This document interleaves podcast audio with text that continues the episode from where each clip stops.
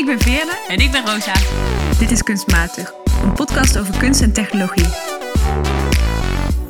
Hey, hallo en welkom bij Kunstmatig, de podcast waarin wij, eh, ik ben Veerle en dit is Rosa, ehm, het grensgebied tussen kunst en technologie verkennen. Want hoe beïnvloeden eh, die gebieden elkaar? Hoe beïnvloedt technologie hoe wij kunst ervaren en welke kritische vragen stelt kunst aan technologie? En vandaag gaan wij op onderzoek uit naar de relaties tussen AI-duet en robotorkest. En we doen dat vanaf een wel heel speciale locatie, namelijk het festival Septemberme, dat op dit moment plaatsvindt in Amersfoort. Septemberme is een muziekfestival voor ontdekkers en verdwalers, met concerten en een verdiepingsprogramma's waarin je allerlei installaties kunt bekijken en uitproberen. En wij bevinden ons op dit moment in een prachtig decor Veerle, kun jij kort even omschrijven hoe het er hier uitziet? Ja, ik heb nog nooit in zo'n soort omgeving opgenomen. Wij zitten namelijk in een decor van een concert dat hier gisteren uh, plaatsvond. Uh, we zitten namelijk in de Perform Performania Wonderkamer van Perforator. En in het bijzonder moeten we noemen dat we in, het, in de vormgeving van Catharina Scholte zitten. Maar ik zal het even tastbaar maken. Links van mij hangt een glittergordijn, ligt een glittergordijn, hangt uh, tape, er hangen ballonnen, er hangt een gigantisch, staat een gigantisch papier-maché oog voor mijn neus. Ja, en achter jou draait een metalen installatie met allerlei spritsen, langzaam rondjes. Uh, je kunt je voorstellen, we voelen hier ons ontzettend thuis. En uh, we hebben er heel veel zin in om vanuit hier wat verder te gaan reflecteren op een aantal thema's die in dit programma naar voren komen. En Rosa zei het al, hè? Uh, september staat in het teken van experiment, van nieuwe wegen verkennen, van op onderzoek uitgaan naar wat voor vormen muziek nog meer allemaal aan kan nemen. En dat is precies wat wij vandaag gedaan hebben. We zijn hier ingedoken. We hebben van alles gehoord, gezien, uitgeprobeerd. En daar gaan we je nu in meenemen. En nog even wat, wat langer bij stilstaan van wat zien we nou eigenlijk allemaal. En daarin stellen wij altijd een vraag centraal in onze aflevering die we samen gaan onderzoeken. En vandaag is dat hoe kan technologie een co-creator zijn in de praktijk van muzici en componisten? En hoewel we normaal gesproken dat soort vragen met z'n tweeën bespreken, uh, vandaag uh, gaan we dat iets anders doen. Want halverwege de aflevering schuiven er ook nog een aantal gasten aan. Veerle, ik denk dat het tijd wordt om er maar gewoon in te gaan duiken. En ik ga jou vragen wat heb je vandaag voor mij meegenomen? Nou, hoewel ik net beloofde dat we meteen het programma in zouden duiken, beginnen we toch eerst met een klassieker om de toon te zetten. Ik heb een werk meegenomen dat, waar ik meteen aan dacht toen ik meer uh, las over September, mijn festival. Namelijk het werk TV Cello van Namjoon Paik en celliste Charlotte Moorman. En dat is een werk uit de jaren 70. Dus het is een veel ouder werk dan alles wat wij nu hier om ons heen hebben. Um, dat is een werk wat een soort kunsthistorische klassieker is, die ons helpt om het te hebben over dat thema. Van hoe is technologie nou op verschillende manieren onderdeel van die muziekpraktijk? En hoe is dat misschien door de jaren heen altijd al zo geweest? Um, ik begin even met wat je ziet. De naam verraadt al wat, hè? TV Cello. Je ziet een opstapeling van drie tv's, beeldbuizen, oude tv's, dikke tv's, um, die elk een andere uitzending hebben op hetzelfde moment. Ze zijn op elkaar gestapeld. En er zit een hals aan en er zijn snaren overheen. Dus eigenlijk die drie tv's die vormen de body, uh, de klankkast van de cello. Uh, en verder is het in principe een bespeelbaar instrument. Met snaren, uh, met, een, uh, met een brug waar die snaren overheen lopen. En celliste Charlotte Moormans bespeelt het werk dus. of heeft het werk in ieder geval in de jaren 70 regelmatig bespeeld. En je kan ook in die tv's kijken. Dus het is geen zwarte kast, maar zo'n doorzichtig. Een beetje zoals van die Gameboys in de jaren 90. Ja, ja. Dus je kan alle draadjes zien lopen, de echte technologie zien. En dat, die strijkstok die gaat daar overheen. Zorgt dat ervoor dat er ander beeld ontstaat? Of hoe moet ik dat voor me zien? Ja, er zijn tegelijkertijd drie dingen te zien. Op een van de schermen is live een opname van die performance op dat moment, heel meta te zien. Op een van de schermen is een random televisiezender die op dat moment uitspeelde. En op een andere is een compilatie van beelden van andere cello-concerten. Dus je ziet normale cello's. En op het moment dat zij... celloception. eh, Celloception, nice. Dus op het moment dat zij speelt, haar strijkstok is een reguliere strijkstok, maar met een soort sensor daarop, manipuleert zij eigenlijk zowel het geluid, dus je hoort een soort, ja, soort statisch geluid. Het is echt lawaai, hè? Het is echt lawaai. Eh, en ze manipuleert de mm, beelden. Dus die veranderen die als je, als je zept. Dat idee.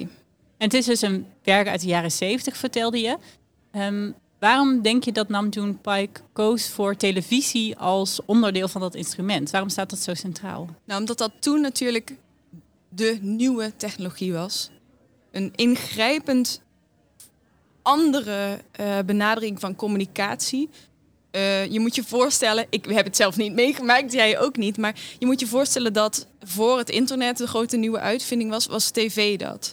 Eh, op dat moment werd het mogelijk om eigenlijk overal ter wereld op een vrij bereikbare manier, met name toen kleurentelevisie een ding werd, op een vrij bereikbare manier hetzelfde verhaal te verspreiden. Dus communicatie werd veel meer vernetwerkt op een eerste, eerste manier.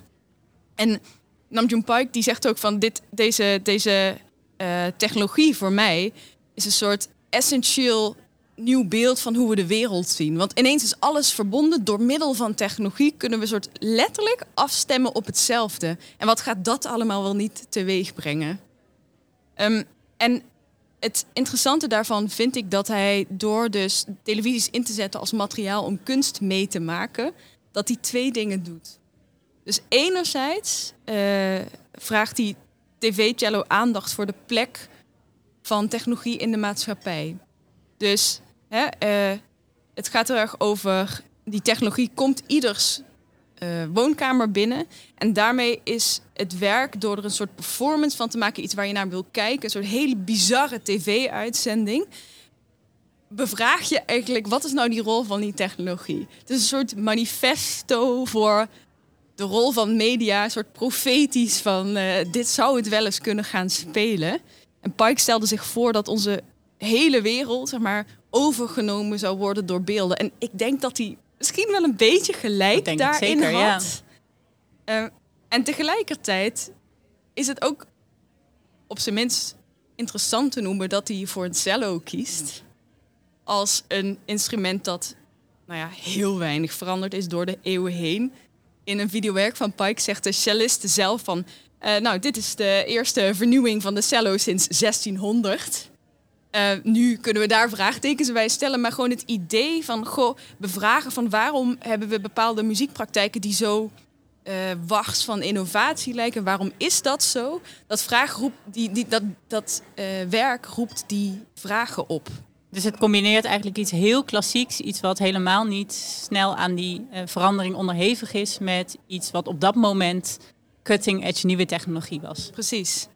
En op die manier vond ik het een werk waarmee we kunnen aangeven dat wat we hier, aan, wat we hier zien, wat we hier horen op September Festival, in een rijke traditie staat van kunstenaars die de grenzen oversteken tussen beeldende kunst en pop en klassiek en theater.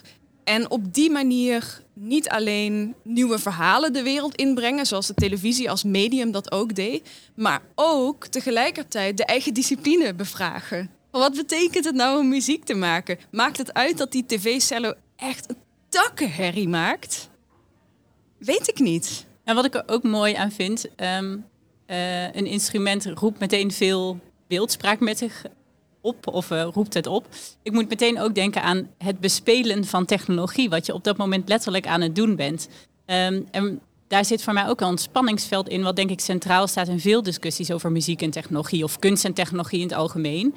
Is het het geval dat die technologie de controle overneemt, of is het ook iets dat we kunnen gaan bespelen, waar we zelf, ehm, waarbij we het zelf kunnen gaan inzetten om juist op andere manieren ons creatief te uiten? Ja, volgens mij heb je gelijk. Volgens mij zit dit werk dat spanningsveld op de kaart. Het biedt niet per se een antwoord.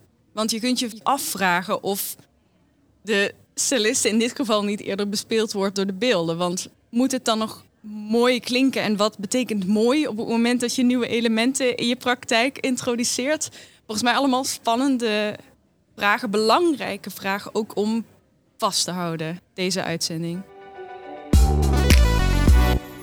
Goza, Wat heb jij meegenomen vandaag?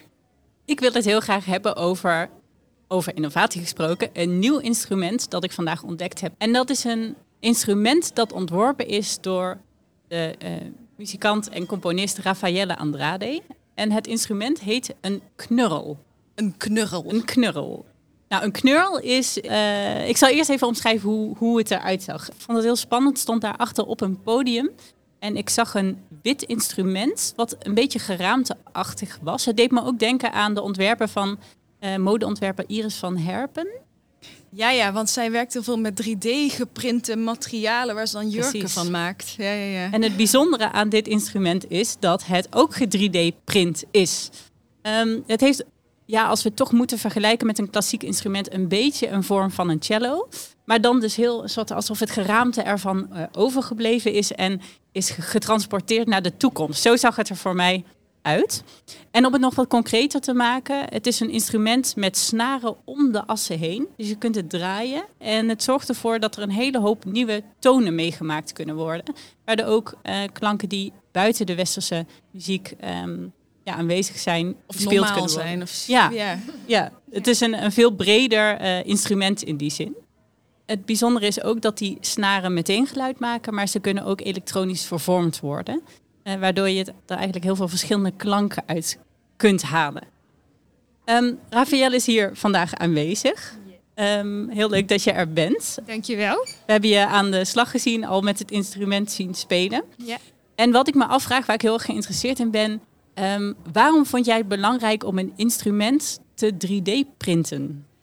Um, ik denk als componist of muzikant heb ik uh, in mijn, door tussen mijn opleiding uh, een beetje nagedacht. Mm -hmm. waarom, waarom speel ik cello en wat bedoelt dat in, in mijn praktijk precies? En um, met de 3D-print technologie was uh, een soort van uh, een nieuw wegen voor mij om te ontdekken, nieuwe formaten en nieuwe materialen die in de toekomst is wel belangrijk. Hm. En wat specifiek, waarom ben je uitgekomen bij 3D-printen als technologie? Um, ik was, um, nou, ik dacht, ik ga proberen een soort van nieuwe cello te maken. Oké, okay. ambitieus. Ja, ja. dus uh, en ik, ik was om te nadenken in mijn universiteit. Uh, wat de methode ga ik gebruiken? Dus ik heb geprobeerd hout, ik heb geprobeerd ceramics, ik heb geprobeerd metaal. En, en toen heb ik in de 3D-lab van de Art University daarin gezet. Um, en dan heb ik uh, een soort van bloemmoment dat uh, ik dacht, wauw, maar oh wauw, dat is echt iets anders. En, en ja, je kan echt heel andere dingen met deze soort van methode maken. En dan heb ik begonnen met knurl. En ja, wat ik er ook heel mooi aan vind is dat met dat 3D-printen je ergens de muzikant of de componist een stukje autonomie terug lijkt te geven ook. Klopt. Uh, mensen kunnen het makkelijker zelf repareren. Het is ook over de wereld makkelijker verplaatsbaar, want je hebt de 3D-print, als ik het goed begrijp, gratis beschikbaar geschild. Mensen kunnen dat zelf downloaden. Ja, ja. En patronen, of hoe heet dat? Ja, precies. De model. De model, model. Ja.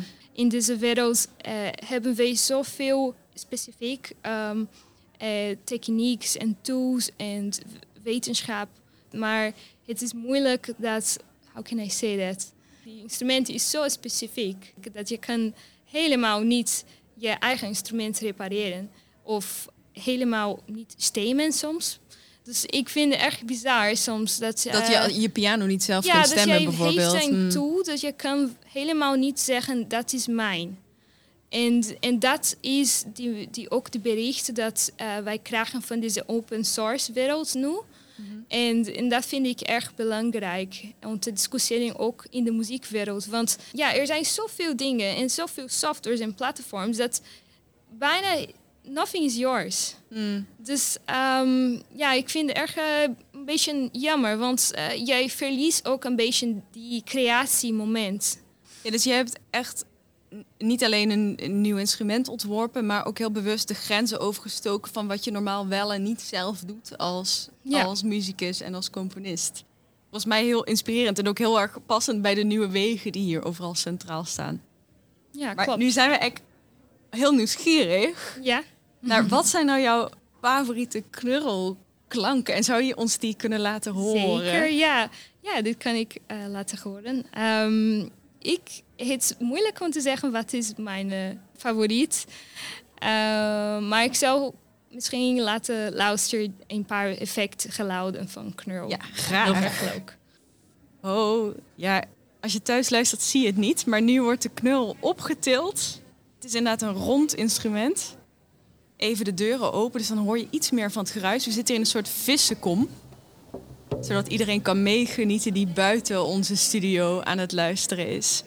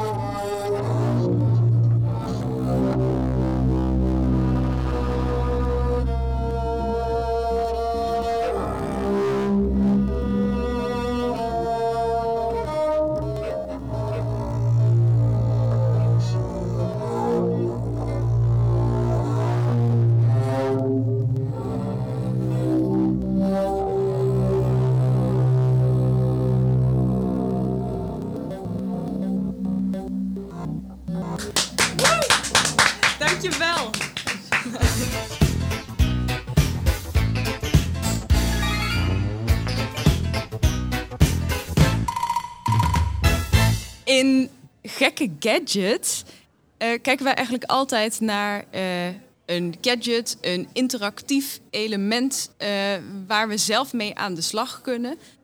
En vandaag kwamen wij een AI-speeltuin tegen hier. Sterker nog, hij staat eigenlijk vlak naast waar wij nu aan het opnemen zijn. En als, je dan, als wij nu net om het hoekje kijken, dan zien we mensen allemaal heel raar met hun armen zwaaien. En dat is omdat ze op dit moment eh, een eh, AI-orkest aan het dirigeren zijn. Ja, het is heel bijzonder wat je hier allemaal kunt uitproberen. En het leuke is dat je eigenlijk met je lichaam, door middel van technologie, muziek kunt maken. Dus we hebben het even uitgeprobeerd. Ik ben daar gaan staan. En eh, allereerst heb je de semiconductor. Die is hier te zien. En zoals Veerle het al zei, je kunt een heel orkest bespelen. Wat bestaat uit strijkinstrumenten. En dan worden bepaalde composities dan opgezet. En door je armen heen en weer te bewegen kun je harder of zachter gaan spelen. Eh, kun je bepaalde delen van het orkest laten spelen. En hoe sneller je beweegt, hoe hoger het tempo ook omhoog gaat. Of hoe eh, langzamer. Dus het mooie daaraan is dat het eigenlijk een dansbeweging wordt waarmee je dat orkest aanstuurt. En je kunt het thuis ook uitproberen. Dit zijn eh, apps die ontwikkeld zijn in Google Labs. Creatieve experimenten met artificial intelligence, met AI. Eh, dus dat kun je zelf ik ook even proberen. Nou, en naast dat AI-orkest kun je ook een AI-duet spelen. En daar wordt iets meer van je gevraagd dan alleen met je armen eh, zwaaien. Daar moet je daadwerkelijk een keyboard, een piano bespelen. En afhankelijk van welke tonen jij eh, aanslaat, speelt die AI terug. Dus je gaat echt een duet aan samen. Het is wel heel een eclectisch. Het klinkt heel avant-garde, zeg maar. Laten we het daarop houden. eh, om een beetje positief te bestempelen. Ehm, maar het is wel een manier waarop je kunt kijken waar je ook zelf spelenderwijs met technologie in interactie kunt. En het zijn apps die dingen doen die een paar jaar geleden konden, hè? Maar op die manier kun je je wel voorstellen van, jeetje, als dit een paar jaar geleden zo kon, wat is er nu allemaal mogelijk? Een soort spelenderwijs introductie in die wereld van AI en muziek. En wat ik er toch wel bijzonder aan vind, is het hele actie-reactie gedeelte. Ik herinner me vroeger speelde ik dwarsfluit en dan had ik wel eens zo'n cd waar ik dan ging meespelen. En dan startte de cd en dan moest ik de noten doen. En nou ja, dan was het liedje over. Maar dat voelde nooit echt als samenspelen. En dat gevoel kreeg ik toch wel meer in deze AI-speeltuin eigenlijk, die hier op eh, september met te zien is. Oh, dus misschien is dit ook wel een leuke gadget voor mensen die als hobby piano spelen en dus even net wat anders willen dan die meespeel-cd. Ik denk het wel. Ja, ik moet eerlijk zijn, ik kan geen piano spelen, dus mijn gedeelte klonk eh, nergens na, maar de AI deed het beter. Dus dat was inspirerend. Check de show notes als je het zelf uit wil proberen. Want dit kan allebei thuis op je eigen laptop of telefoon. Doe dat zeker even. Op een sokkeltje. In Op een sokkeltje zetten we eigenlijk altijd een kunstwerk, een voorstelling, een concert. eh, dat we heel erg bijzonder vonden, extra in de schijnwerpers. En nou, vandaag is wel heel speciaal, want wij komen echt net 20 minuten geleden uit een concert. Concert van Remy van Kesteren en zijn analoge robotorkest. En nou, volgens mij kan ik namens ons allebei spreken zeggen dat we nog onder de indruk zijn nu van het concert. Het is een concert waarin, zoals de titel al zegt, eh, eh, harpist eh, Remy van Kesteren samenspeelt met een robotorkest. En dat robotorkest dat is gemaakt en ontwikkeld door Jurjen Alkema. En dat robotorkest, dat is misschien niet helemaal wat je ervan verwacht. Als je aan robots denkt, of als ik aan robots denk, dan denk ik toch al gauw aan vrij geavanceerde eh, eh, mannetjes. Terwijl hier kan een robot ook een klein xylofoontje zijn. Of een potje met water. Of allemaal huishoudelijke dingetjes die op de een of andere manier geluid maken. Ja, en hoe zag dat concert er nou uit? Eh, wij keken naar het podium en op de achtergrond zagen we een hele grote stellage waarop ook projecties te zien waren. En in die stellage stonden allerlei robotjes, die waren daar ingesteld. Ehm, het leuke is, ook op de gang van eh, het festival staat een eh, mini-versie van die stellage. Met allerlei onderdeeltjes. Dus waaronder bijvoorbeeld een, eh, dat is wel echt mijn favoriet, een plastic schepje, zoals je dat op het strand wel eens gebruikt. Met een zandemmertje en die slaat daar zachtjes op. Of een grote koektrommel waar je geluid uit krijgt.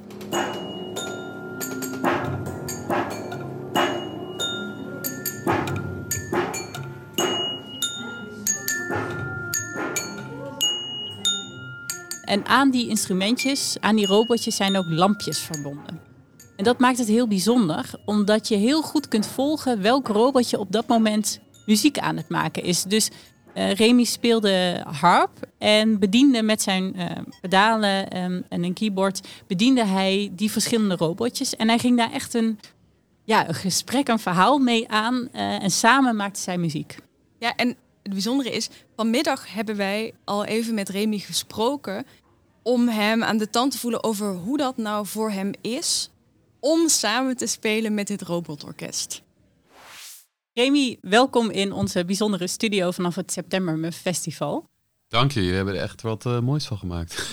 Ja, alle, alle lof aan de productie. We gaan vanavond naar jouw voorstelling kijken. Ehm, maar wilde je graag al een aantal vragen stellen over het, eh, het robotorkest waar je vanavond mee gaat optreden? Ja, we beginnen bij het begin. Namelijk, wat, wat betekent het voor jou als klassiek geschoold muzikus om samen te spelen met een robotorkest? Eh, nou ja, ja eh, als je het zo zegt. Nou ja, misschien eerst goed zeggen dat mijn klassieke verleden, zeg maar als puur klassieke muzikant, inmiddels toch best wel lang geleden is. Sinds zeven jaar maak ik mijn eigen muziek en ik vind een beetje mijn eigen weg tussen alle genres in of zo. Ik kan niet precies benoemen wat het is. Ehm, en ja, met de robots heb ik inmiddels ook al lang geschiedenis. Dat gaat eigenlijk ook al zeven jaar terug. Want ik ontmoette Jurjen Alkema, die hier eh, ja, een beetje een soort artiest eh, in resonance is met al zijn robots. En zo. Ja, hier in de gang staat ook een heel robotinstallatie waar je zelf mee kan spelen. Ja, die hebben we net even uitgezet, want anders ging je heel hard, hard door het hele... Ja, maar eh, ja, hij is eigenlijk een, een, een lichtontwerper, maar ook een, ja, een videomapping maakt hij. En, eh, maar het is gewoon een kunstenaar. En wij ontmoeten elkaar ooit op Into the Great Wide Open, eh, muziekfestival op Vlieland. En we werden aan elkaar gekoppeld. Hij had een installatie en ik werd er tussenin gezet om te improviseren. En toen had hij al een paar van die hele kleine apparaatjes bij zich. En eh, toen gingen we daar gewoon mee experimenteren. En eh, ja, dat smaakte naar meer. En zo is het steeds groter gegroeid. En inmiddels is het een ja, stellage van acht meter breed en eh, drie meter hoog. Behoorlijk eh, ja, uit de hand gelopen. Maar kun je ons een soort kijkje in de keuken geven van wat dat voor jou betekent op het moment dat je speelt? Eh, hoe speel je samen, zeg maar, met die installatie, met die... Ja, ik heb controle over alles tot op zekere hoogte. Oké. Maar ehm, het werkt, we werken veel met MIDI en dat is eigenlijk een, een, een een computertaal. Ehm, heel simpel, ze geven een aan- en een uitsignaal. Het is echt een systeem uit de jaren tachtig, maar het is nog steeds niet overtroffen. Het is gewoon het, eh, een hele makkelijke manier om eh, apparaten met elkaar te laten communiceren. En ehm, ik kan eh, in het moment precies zeggen welk instrument wat moet spelen. Eh, en voor een deel ja, kan het echt per instrument. En, en voor een deel maak ik van tevoren ook bepaalde patroontjes al. En dan geef ik eigenlijk alleen maar het signaal van oké, nu. en dan gaat hij het hopelijk doen. Maar, Maar je zegt, maar je zegt hopelijk. Zeg maar, Nou is ja, nee, een soort in principe twijfel van wel, luisteren ze of... Nee, nou, het is niet dat ze een eigen geweten hebben, nog niet. Maar wel, het zijn wel, en dat vind ik ook het, het mooie en het aantrekkelijke aan het gegeven. Het is niet, het zijn geen, eh, het, is, het is vooral percussieve instrumenten. Hoewel er ook xylofoontjes in zitten die zichzelf kunnen bespelen. Dus dat heeft ook een melodische functie. Maar het is vooral eh nou ja, beat, zou je kunnen zeggen. En het mooie van deze apparaten versus gewoon beats uit de computer halen, wat natuurlijk ook gewoon kan, is dat dit toch een soort levende organismen zijn. Ik bedoel, Jurin heeft ze lekker in elkaar gesoldeerd en het zijn allemaal, ja, het is een soort state of the art, houd je touwtje is het altijd. Want Het is wel echt gewoon, ja, ze vallen Ja. soms een beetje uit elkaar, ze reageren soms net iets later dan je zou willen. En dat is eigenlijk te gek, want bijvoorbeeld een drummer is ook nooit 100% precies op dat moment, wat een computer natuurlijk wel is. Eh, en daardoor grooved een computer vaak ook niet, omdat het gewoon heel strak is. Maar dat is niet, daar zit geen leven in. En in dit, deze apparaat zit enorm veel leven. Dus je zegt, het is de controle tot op zekere hoogte. Geeft die, die ruimte daarin jou ook nieuwe inspiratie als muzikant? Ja, want je krijgt steeds ook, omdat het, het zijn dus eh, bijvoorbeeld, om een voorbeeld te geven, het is een, een, een, een lage drum, zeg maar, is een, een spaafles gevuld met water. En daar slaat dan een hamertje tegenaan. En ik geef in feite een elektronisch signaal door. En dan gaat het hamertje slaan en dan komt daar geluid uit. Dat nemen we op en dat hoor je dan in de zaal. Wordt eigenlijk uitversterkt. Maar eh, afhankelijk van hoeveel water erin zit en eh, of, die, of het water er al heel lang in zit en zo. Dat doet allemaal iets met de soort toon, de soort klank. Ehm, en eh, ja, dat is dus elke keer wel net iets anders. Soms zit er net wat vertraging in het signaal en dan ja, komt hij net wat later. En, eh, nou ja, zo, zo is het. En, en dat is natuurlijk, daar, daar reageer je meteen op als muzikant. Dat je natuurlijk altijd met je oren aan het luisteren bent. En eh, ja, dat dwingt je weer tot een andere manier spelen ook. Ja, dus juist door die eh, technologie die niet de, de, de soort standaard eh, manier is waarop je computer in zou kunnen zetten in je muziekpraktijk, creëer je een soort spanningsveld, als het ware. Zo klinkt het. Ja, ik zie het wel echt als een... Ik bedoel, het is geen drummer klinkt als, natuurlijk. Klinkt het is een- wel, wel een vorm van samenspelen. ja, er is de, ja, want er, is, er zit echt leven in. Ja. mij. En dat komt omdat, ja, ik bedoel, en ze gaan ook gewoon soms stuk, ook soms tijdens de voorstelling of vlak voor de voorstelling. En dan moet Jur nog even solderen en dan heeft ze gesoldeerd en dan, dan werkt hij weer, maar dan klinkt hij ineens anders. Ja. En eh, ja, dat vind ik eigenlijk wel gaaf. En je vindt het gaaf? Vind je het ook soms frustrerend? Ben je wel eens boos op, eh, op de robotjes? Ik ben uh, boos. Uh, nou, het is soms wel lastig als het zo vlak van tevoren en uh, dan is het wel even spannend. Vooral voor Jur, want die moet dan weer met zijn soldeerbout en zo. En, uh, ja, maar gelukkig is hij een soort extreem onderkoelde Willy Wortel. En hoe meer stress er is, hoe rustiger Jur altijd wordt. Dus dat is... Hey, en met deze voorstelling breng je een stuk technologie en innovatie het podium op. Um, hoe denk jij, wat breder gezien, uh, hoe technologie de ontwikkeling van de klassieke muziek, maar ook breder de muziek kan uitdagen? Hoe zie je dat? Nou ja, dat is natuurlijk al heel erg aan de hand. Mm. Uh, en nu, uh, nu komt er natuurlijk een heel nieuw hoofdstuk met AI aan en zo. Dus ja, wat je er ook van vindt, dat doet eigenlijk niet ter zake, want dat gaat er gewoon zijn en dat gaat een belangrijke rol spelen. Dus ik ben heel nieuwsgierig hoe we die rol gaan geven en wat voor. Maar uiteindelijk, wat ik altijd te gek vind, is dat, dat ja, kunstenaars altijd weer een weg mee vinden. Ik bedoel, uh, op een gegeven moment kwam er bijvoorbeeld autotune natuurlijk. Dus mm -hmm. konden mensen hun stem uh, pitchen. Dus dan klinkt het eigenlijk altijd zuiver. En, maar het is ook een soort effect. Je kan het ook horen als mensen heel veel autotune, als ze echt niet kunnen zingen. Dan hoor je dat echt. Maar op een gegeven moment werd dat, werd dat weer een ding, werd een sound. Ja. En nu zag ik laatst weer een filmpje van iemand op YouTube die dan zonder dat apparaat dat, dat geluid van dat apparaat nadoet met Oh, de stem. Ja, dan denk ik, ja, dat, dat is helemaal te gek. Dus die zingt alsof er autotune op haar stem zit. Ja, en dan daar word ik altijd zo blij van. En dat gaat natuurlijk met dit ook weer gebeuren. Dan gaan, de kunstenaars gaan daar toch weer een draai aan geven. En uh, ja. ik vind het, uh, je moet dat gewoon omarmen. Ik vind het ook gaaf dat er ook, want mensen worden zenuwachtig over die AI. Van ja, helpen. Maar er zijn dan ook kunstenaars of zangers die dan zeggen van, oh, gebruik mijn stem maar en kom maar door. Ik ben wel benieuwd hoe, ik, hoe ik ga klinken. En, Nieuwsgierig. Ja, ja, ja zeker. Ja. Ja, en wel, het is wel denk ik heel belangrijk om dingen aan de achterkant qua rechten af te spreken en vast te leggen. En want dat vind ik wel een zorgelijke kant ook van iedereen die maakt nu natuurlijk artwork en plaatjes met mm. Maar dat is eigenlijk allemaal eigendom van kunstenaars die daar heel veel werk in hebben zitten. dus daar moet goed naar gekeken worden. En ja, maar dan vervolgens moeten wij ja, gewoon weer uh, ermee aan de slag. Precies. Dus wie weet in de toekomst een orkest met AI? Wie weet. Dat zou kunnen. Maar het, het toevallig laatst was ik al... Ik, had, ik heb een plaat gemaakt, ja, reworks van zangers die ik vet vond. En uh, een daarvan was Kendrick Lamar. Ik dacht ik live, ja, ik mis toch echt die tekst, die stem of zo. Mm. Maar, en toen zag ik dat er online een tool was dat je gewoon een track in kan. En dat die dan alle stems heet dat. Dus alle eh, gedeeltes van een track uit elkaar kan halen. Dus dan krijg je ineens los de drums, los de stem. Dus uh, die heb ik al een paar keer ingezet bij Livestream. En dan speel ik ineens met Kendrick Lamar. Hey, dus uh, ja, dat, ik zie daar wel uh, nog wel doorgroeimogelijkheden. Ja. Nou, ik ben, ik ben nieuwsgierig. Ja, ik ook. En we gaan vanavond luisteren. Ja, veel plezier vanavond. Nou, wat ik heel mooi vond aan wat hij vertelde is... Um, dat hij niet volledig de controle heeft. Dus hij voorprogrammeert wel sommige sets, sommige onderdelen en sommige combinaties. Uh, maar dat heeft hij nooit helemaal in de hand. Het kan namelijk zijn dat uh, tijdens het toeren, tijdens het opzetten, er bijvoorbeeld wat zand verloren is gegaan, of het waterpeil is geda gedaald, of er, er, gaat ook wel eens iets kapot. En dan moet um, Jurjen moet het laatste moment nog snel iets gaan solderen om het vast te maken. En dat levert een moment van improvisatie op. Dat levert kleine foutjes op die ook heel inspirerend kunnen zijn.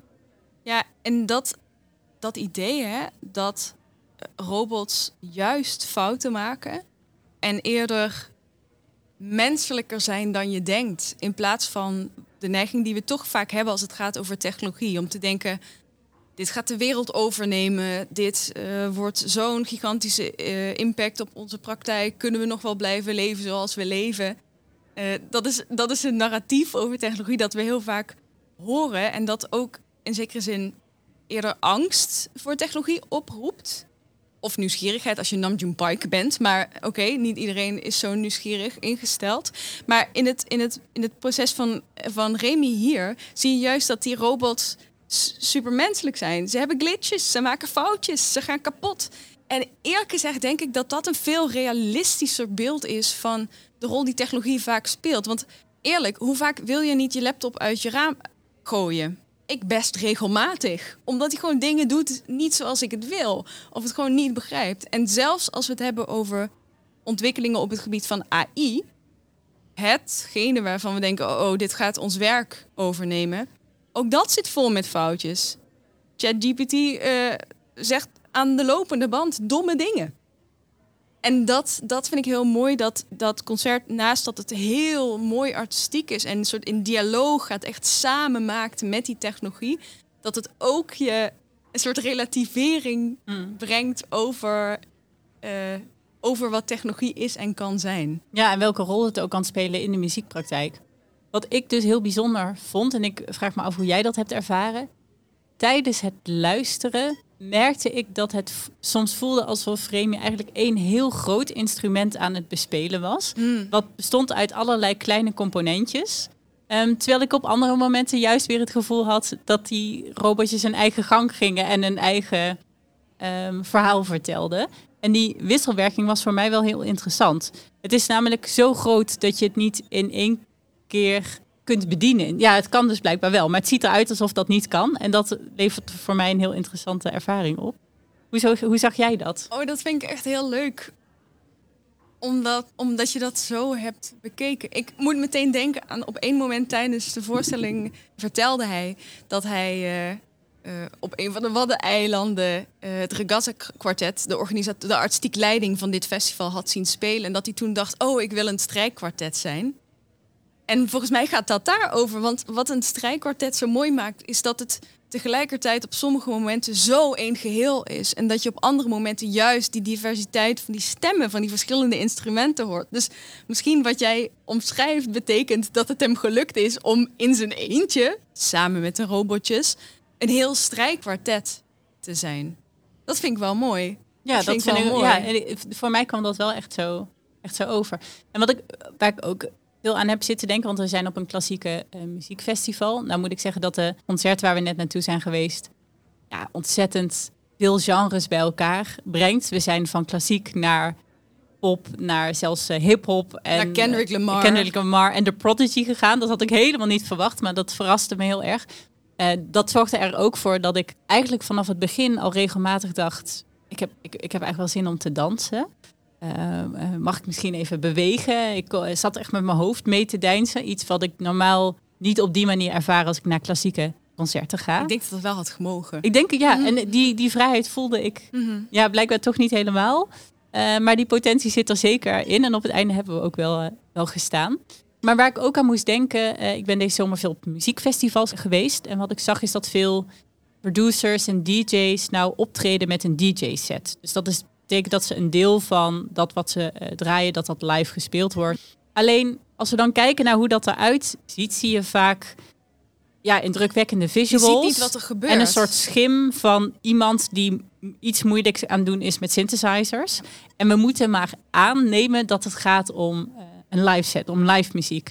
En ik had het daar laatst ook met een vriendin over. Van, maar wat gebeurt er nou precies? Dat blijft voor mij totaal abstract. En het mooie vond ik in dit concert van Remy dat door die lampjes en doordat hij het ook echt ging toelichten, op een gegeven moment ging hij vertellen van nou dit robotje doet dit, dit robotje doet dit. Dat je echt werd meegenomen, meegezogen in hoe dat geluid tot stand kwam. Hoe die verschillende elementen met elkaar samenspeelden, maar ook hoe Remy die deels bestuurde. Ja, maar volgens mij hebben we dan een grotere lijn te pakken. Want ook Raffaelle, die hier net voor onze neus stond, die hier de hele dag op het festival aanwezig is om mensen te laten zien, te demonstreren hoe de knurrel werkt. Daar kan je zien dat ze een interface op haar laptop heeft, maar je mag meekijken. Je ziet hoe ze het instrument bespeelt, ronddraait. Juist ook die tastbaarheid, juist ook ja, in zekere zin dat herkenbare materiaal van, oh ja, dat is een 3D-printer. Ik heb wel eens iets 3D-print. Dat is een hele specifieke look en feel. Dat, dat, heeft, dat hebben die projecten ge- gemeen. Ze, ze geven ons ook een kijkje in de keuken. En dat is wel anders dan hoe we heel vaak zien dat technologie wordt ingezet in muziekpraktijken als we naar popfestivals en dergelijke gaan. Dan zien we die backstage, dat werk, dat rommelen. Dat zien we niet. En hier is dat rommelen in het centrum van de aandacht. En dat vind ik heel erg fijn persoonlijk. Ja, ik vind het ook heel interessant dat dat dus gebeurt in de context van klassieke muziek. Ehm, ja, jouw onderzoek gaat hier natuurlijk over innovatie in klassieke muziek. Of je hebt hier, bent hierop gepromoveerd. Dus ik heb er van jou ook van alles over geleerd. Maar we, merken toch wel dat als het dat er in klassieke muziek, nou, het soms moeite kan zijn om wat ruimte open te frikken voor innovatie. En ik vind het heel veelbelovend om te zien hoe deze eh, makers dat op een hele eigenwijze manier doen.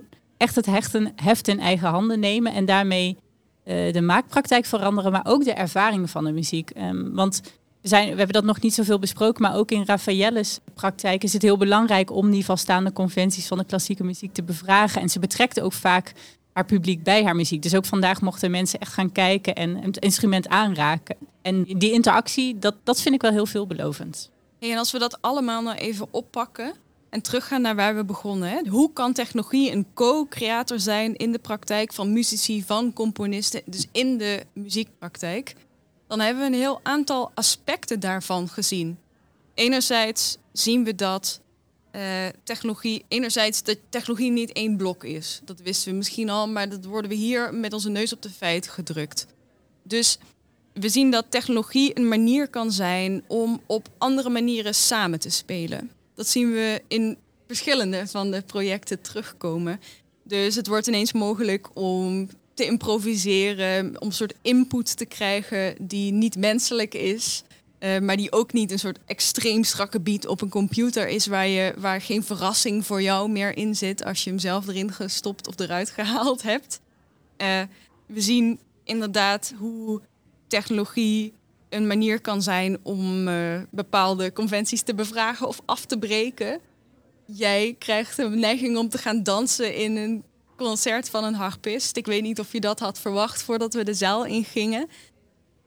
En tegelijkertijd ehm, is er vooral ook heel veel liefde voor experiment. En voor uitproberen en voor kijken wat er van komt. Ook als het soms kapot gaat of als het soms nog een beetje moeilijk klinkt. En dat, dan zijn we ook weer terug bij waar, waarom ik dat kunsthistorische voorbeeld wilde gebruiken. Omdat je door de geschiedenis heen ziet dat juist de muzici, juist de kunstenaars nodig zijn om één in vraag te stellen. Wat hebben we nou eigenlijk voor technologieën en wat kunnen we daar voor moois mee maken? Of voor raars of voor interessants. Maar ook dat we het gesprek over technologie op een genuanceerdere manier kunnen voeren. Dat we ook kunnen zien, oh ja, het is ook een soort gekke ontwikkeling waar wij iets mee kunnen. We hebben iets te zeggen. We hebben iets te doen. We kunnen zelf gaan, nou ja, klooien en kijken of je door middel van een 3D-printer een open access cello kunt maken. Nou, dat zijn volgens mij hele hoopvolle dingen. Ja, zo, ik heb het ook heel erg als hoopvol ervaren. En ehm, ik denk dat het in die zin ook een mooi uh, tegenbeeld geeft tegen dat idee dat AI alleen door big tech bedrijven wordt ontwikkeld en alleen voor commerciële doeleinden. En dat het vooral heel veel gaat om heel veel winst maken en uh, de kunst- en cultuursector juist overbodig of kapot zou maken. Ik denk wat we vandaag hebben gezien is wel echt de, kracht die kunstenaars ook wel hebben of muzici ook wel hebben in um, ja, het opnieuw innoveren van muziekpraktijk en ook op een hele creatieve en kritische wijze naar die technologie kijken. Nou, heel veel ontdekt en verkend hier op September met Festival. Ik denk voordat wij afsluiten is het heel belangrijk dat we het festival zelf enorm bedanken. In het bijzonder dank aan Remy en Raffaella natuurlijk voor te gast zijn in deze aflevering, maar ook aan Nichon en Julia van het festival publiek, de technische ondersteuning. Ben je nou uh, benieuwd naar die prachtige ruimte waar wij inzetten of hoe bijvoorbeeld wij zelf een stukje van het Robotorkest bespeeld hebben? Kijk dan op onze Instagram, het kunstmatig de podcast.